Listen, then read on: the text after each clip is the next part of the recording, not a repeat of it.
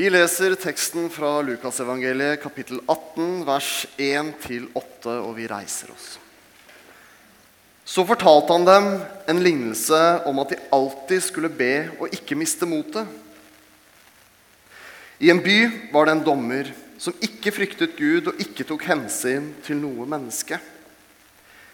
I samme by var det en enke som stadig på ny kom til ham og sa:" Hjelp meg mot min motpart så jeg kan få min rett.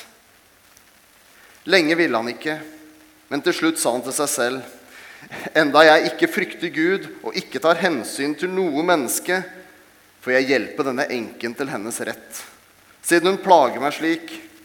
Ellers ender det vel med at hun flyr like i synet på meg. Og Herren sa, Hør hva denne uhederlige dommeren sier. Skulle ikke da Gud hjelpe sine utvalgte til deres rett? De som roper til ham dag og natt. Er han sen til å hjelpe dem? Jeg sier dere, han skal sørge for at de får sin rett, og det snart. Men når menneskesønnen kommer, vil han da finne troen på jorden? Slik lyder Herrens ord. Vær så god, Per. Takk. Først og fremst vil jeg takke så hjertelig for at jeg skulle få lov å komme på besøk til Misjonssalen, storstua til NLM. Det er en stor ære å få lov å låne deres oppmerksomhet nå noen minutter. Jeg kommer fra Flekkerøya ut forbi Kristiansand. Og Der har jeg vokst opp, og der bor vi ikke lenger nå. Nå, nå, bor jeg inne på fastlandet sammen med kone og en sønn og en katt. Dattera vår har flytta til Tromsø for å, å, studere der oppe. Først to år på Fjellheim, et år, eh, Fjellheim bibelskole, et år på bibelskolen, så et år som ettåring, og så nå studerer hun kunsthistorie der oppe. Men det er ikke familien min det skal handle om. Det skal handle om Lukas 18 i dag. Og og Før jeg deler noen tanker rundt denne teksten, som nå er lest, så vil jeg legge stunda i Herrens hender. God allmektige Gud, takk for din nåde over oss. Takk for oppmuntringen som vi får i dagens tekst til å be. Og nå ber jeg med frimodighet om at jeg må få lov å tale ditt ord på en sånn måte som du tenkte det skulle bli talt, som du tenkte det skulle lyde. Og og så ber jeg om at uh, vi alle må ha åpne hjerter og være villige til å lytte til det du hvisker oss i øret. Velsigne stunder for oss, Herre, og la det bli ei stund der ditt navn, Herre Jesus, blir herliggjort iblant oss. I ditt gode navn, Jesus. Amen. På Flekkerøya så var det veldig trygt å vokse opp. Da jeg var liten, så var det sånn at uh, alle la nøkkelen enten under matta når vi låste døra og gikk ut, eller så hang vi den på en krok ved siden av døra, godt synlig.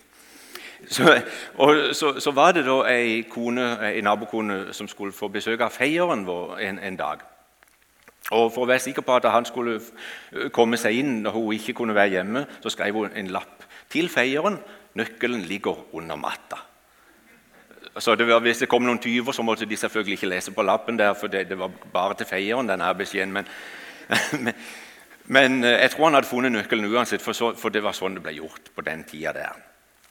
Der, der ute på øya. Jeg vet, Det er nok ikke fullt så trygt nå lenger etter at tunnelen kom, men vi, vi, vi, levde jo litt i vår egen boble der ute. Og, og det, når ferja la til kai for siste tur på kvelden, så, så, kom det ikke ut noen flere folk enn de som allerede var der da. Så trygt og godt. Men det skal ikke handle om Flekkerøya heller. Det skal handle om, eh, om bønn og om Jesu oppfordring til oss til å be. For, for det som vi møter nå i denne teksten, det er en lignelse der nøkkelen ligger ved døra, så å si. Eller kanskje vi kunne si til meg at nøkkelen står i låsen. Nøkkelen til å forstå denne lignelsen er, der på plass allerede, i motsetning til mange andre lignelser. Og hva møter vi så i teksten? Jo, vi møter ei enke, ei standhaftig dame. Vi møter en urettferdig dommer. Vi møter en nådig Gud og til slutt så får vi en liten overraskelse. I alle fall så har det for meg oppleves som en liten overraskelse. og Det skal jeg komme tilbake til helt på slutten. av talen. Men eh, la oss begynne med å se på enka. Hun ber om til, om hjelp til å få rett over sin motstander. Hva dette her gikk ut på, det vet vi ikke. Men det vi i alle fall vet, det er at på den tida her så var det ingen spøk å bli enke i, i eh, Israel. De mista forsørgeren sin, og de mista det, det trygge, eh, de trygge rammene rundt livet. Det var før Nav hadde blitt funnet opp, og det var ingen trygdeordninger. Så om det var en nabokrangel, et arveoppgjør eller, eller hva enn det var, så vet vi at hun var i, alle fall i en desperat situasjon. Så hun trygla ba denne dommeren kan du hjelpe meg til å få rett over min motstander. Igjen og igjen så, så var hun på han. For hun visste at han, han har makt til å hjelpe meg. Og dommeren sa nei gang på gang. Han var egoistisk uten hensyn til Gud og mennesker. Hensynsløs, selvopptatt, urettferdig, forteller teksten oss. Og, og egentlig fullstendig uskikka til å være dommer. Og i alle fall så ulik Gud som det overhodet kunne være mulig å være. Altså slett ikke noen parallell til Gud. Men og dommeren av, avviser denne enka gang på gang. Forståelig nok, han Ut ifra sånn som han var skrudd sammen, så, så, kan vi skjønne det at han vil ikke ha noe med ei masete dame å gjøre og, og, og, og få hennes problemer til, til, sine egne. Men, men hun gir ikke opp. Hun utviser en utholdenhet, en besluttsomhet, en standhaftighet som, eh, som er ganske er, er fantastisk. Og Til å begynne med så viser dommeren ingen medfølelse. og Kanskje gjør han ikke det etter hvert heller, men han blir lei av maset. Til slutt så sier dommeren til seg selv jeg vil hjelpe henne for min egen skyld. Ikke fordi han hadde sympati med enka. Men teksten, altså det verset der det står, det kan også oversettes med at dommeren var redd for å få et blått øye. Han var redd for at hun skulle lange ut og, og, og, og gi han et blått øye. Så, så, så, han tenkte det, det, er bedre, det er bedre at det hjelper henne mens, mens leken er god. Og sånn ble det. Så møter vi altså for det tredje en nådig Gud. Og teksten forteller oss at når til og med denne urettferdige, selvopptatte, egoistiske dommeren Når til og med han gir etter for, eh, for eh, den på, pågåenheten som enka viser. Hvor mye mer skal da ikke vår himmelske Far hjelpe oss? Skulle ikke da Gud hjelpe sine utvalgte til deres rett, de som roper til ham dag og natt? Er han sen når det gjelder dem? Jeg sier dere, han skal skynde seg å hjelpe dem, så de får sin rett. Gud han eh, trenger ikke vårt mas. Altså Han er ikke avhengig av at vi må be den samme bønnen så og så mange ganger for, for, at han til slutt gir etter og, og sier at ok, da får jeg hjelpe dem likevel. Nei, teksten forteller oss at han vil, han vil skynde seg å hjelpe oss til vår rett, så vi får vår rett. I, i Salme 145 vers 8 og 9, så leser vi om, om Gud, som er et diametralt motstykke til denne selvrettferdige og egenrådige og slemme dommeren. Her, hør hva, hva, hva, som står i Salme 45. Herren er nådig og barmhjertig, langmodig og stor i miskunnhet.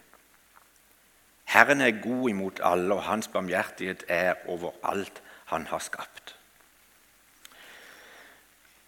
Den retten som, som de utvalgte da skal få ved å henvende seg til himmelens og jordens skaper, det er først og fremst retten til å bli Guds barn.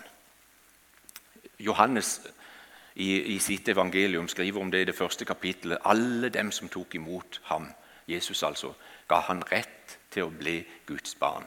med alt som følger med. Arverett til riket. Vi får lov å bli regna som, som, som, Jesu brødre og søstre. Det er helt utrolig. Og, og, vi, og med, med, det da så får vi også seier over den onde. Jesus har vunnet seier over djevelen for oss, og den seieren får vi del i ved troen på Jesus. Så vi skal få lov å be. Vi skal få be og ikke bli trette av å be. Og, og, Gud blir aldri trøtt av vårt mas. Det er Av og til så har, jeg, så har jeg tenkt tanken at nå, nå, minner jeg Gud om det samme enda en gang. Tenk, han må vel bli lei etter hvert. Men det blir han ikke. Nei, I stedet så, så, så, er det jo Jesus som forteller denne lignelsen for å, for å fortelle oss at det, Gud blir aldri lei av å høre våre tanker og, og, få, og få våre bønner servert. Men så er det da ikke sånn at, at vi skal måtte bruke masse ord og, og, og, repetere våre bønner så og så mange ganger. Nei da. Eh, Jesus sier når dere ber det, Da er vi i Matteus kapittel 6. Når dere ber, skal dere ikke ramse opp mange ord like som hedningene. For de tror de blir bønnhørt når de bruker mange ord. Vær ikke som dem, for deres far vet hva dere trenger til før dere ber ham. Er ikke det ganske fantastisk? Gud kjenner våre behov allerede før vi har fortalt ham om dem. Så vil han likevel at vi, at vi skal dele det som ligger på vårt hjerte. Det vil han. Men det er ikke først og fremst for at han trenger å bli minnet på det. Det er kanskje mer fordi at vi trenger å, å bli minnet om vår tilkortkommenhet og, og vår avhengighet av vår himmelske Far. Vi kommer til en far som inviterer oss til å dele med han det som ligger på hjertet vårt, uansett hva det måtte være. Kast all deres bekymring på ham, skriver Peter. Han har omsorg for dere. Så det, det kan vi ta med oss fra denne uh, formiddagen, i alle fall, at vi skal få lov å kaste alle våre bekymringer. Og Jeg tipper at det er ingen her inne som uh, ikke har en eneste bekymring. Og Om ikke dere har noen bekymringer akkurat nå, så har dere kanskje hatt det. Og har dere ikke hatt det, så vil dere få det. Altså Bekymringer kommer til oss. Det er en del av det å være menneske. Vi kan ikke unngå det. Og Noen bekymringer er større enn andre. Og, men så står det vi skal få lov å kaste all vår bekymring på han. Dette må jeg minne meg selv om daglig. For jeg har litt lett for noe å på en måte ta bekymringene litt til med. Og de, de kan lett eh, prege livet vårt. Så Derfor så trenger jeg iallfall gjentatte ganger å høre dette. Men så til slutt det siste og fjerde bonuspunktet. da. En tale har jo gjerne tre punkter, men i dag får dere en ekstra bonus. Eh, hva er det som møter oss i, i det siste verset? Når menneskesønnen kommer, vil han finne troen på jorden. Når, når en leser gjennom de åtte versene, så leser vi om enka som har sine problemer, og maser på dommeren, som til slutt gjør etter. Men så, så, plutselig så virker det som om Jesus eh, endrer fokus. Liksom. Plutselig så, så spør han jeg vil finne troen på jorden når jeg kommer tilbake igjen. Er det en logikk i dette? Ja, det tror jeg det er. Jeg tror det er en, en tydelig logikk. Jeg tror det som dette forteller oss, det siste halvdelen av det åttende verset, det er det at våre bønner i, i, noen grad, og kanskje i stor grad, også bør dreie seg om uh, Guds rikes uh, vekst. Og ikke, ikke, at ikke alt bør dreie seg om våre tim, timelige behov og våre, våre, daglige bekymringer og gjøremål. Og Det blir veldig tydelig når vi ser hva Jesus eh, sa da, da disiplene spurte om han ville lære dem å be. Det finner vi i Lukas 10.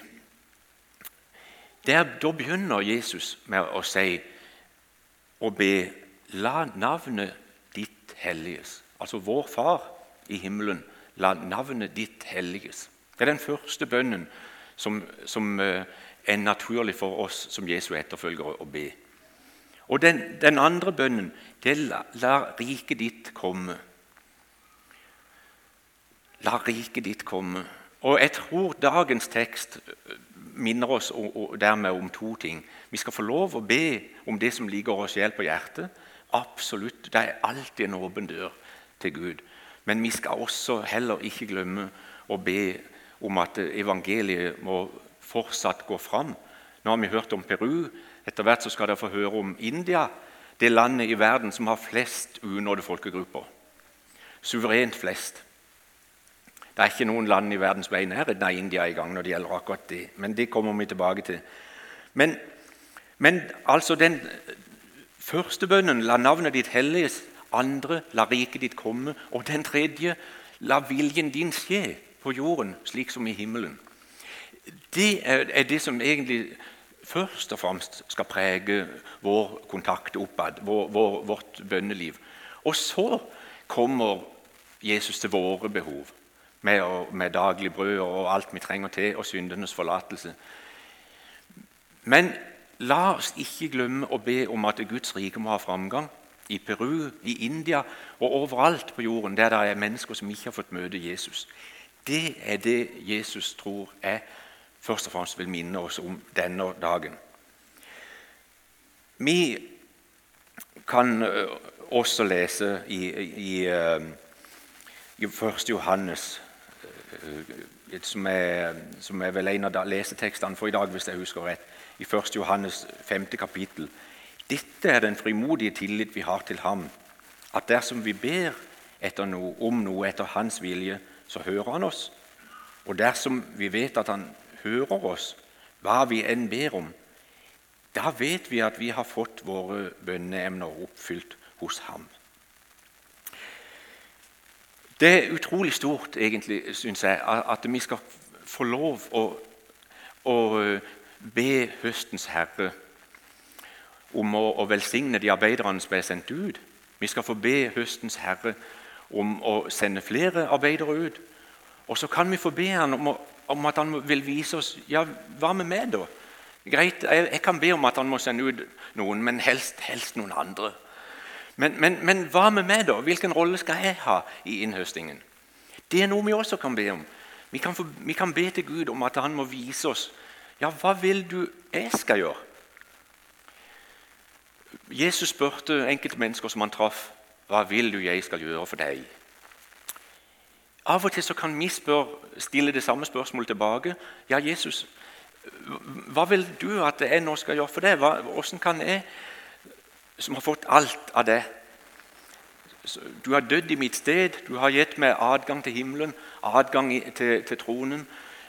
Hva kan jeg gi tilbake til deg, Jesus? Det er også en bønn vi kan be med stor frimodighet. Og så vil vi få noen tanker om hva vi kan gjøre. Og eh, nå, Etter hvert mot slutten av møtet så skal jeg få lov å dele noen tanker om eh, India med dere. Og da vil jeg kanskje også nevne noen muligheter for å, å bli engasjert i misjon. Men det kommer vi tilbake til senere i møtet. Så langt så vil jeg bare ønske dere alle Guds rike velsignelse. Og, og glem aldri å be om at Guds vilje må skje. Jeg sier det helt på slutten av talen. For jeg hadde en forbereder i gang på Nordstrand som heter Ragnhild. Og Hun skrev mange, lange brev til meg, mange sider opp og ned. Hun fikk ikke sove om natta, så i stedet så skrev hun brev til meg og til andre. Og så skrev hun hver gang Per, ikke glem å be om at Guds vilje må skje. Og, så, og de strekte hun under hver gang. Husk å be at, om at Guds vilje må skje, for da blir det alltid til det beste, sa hun. Det er et godt råd å ta med seg. Amen.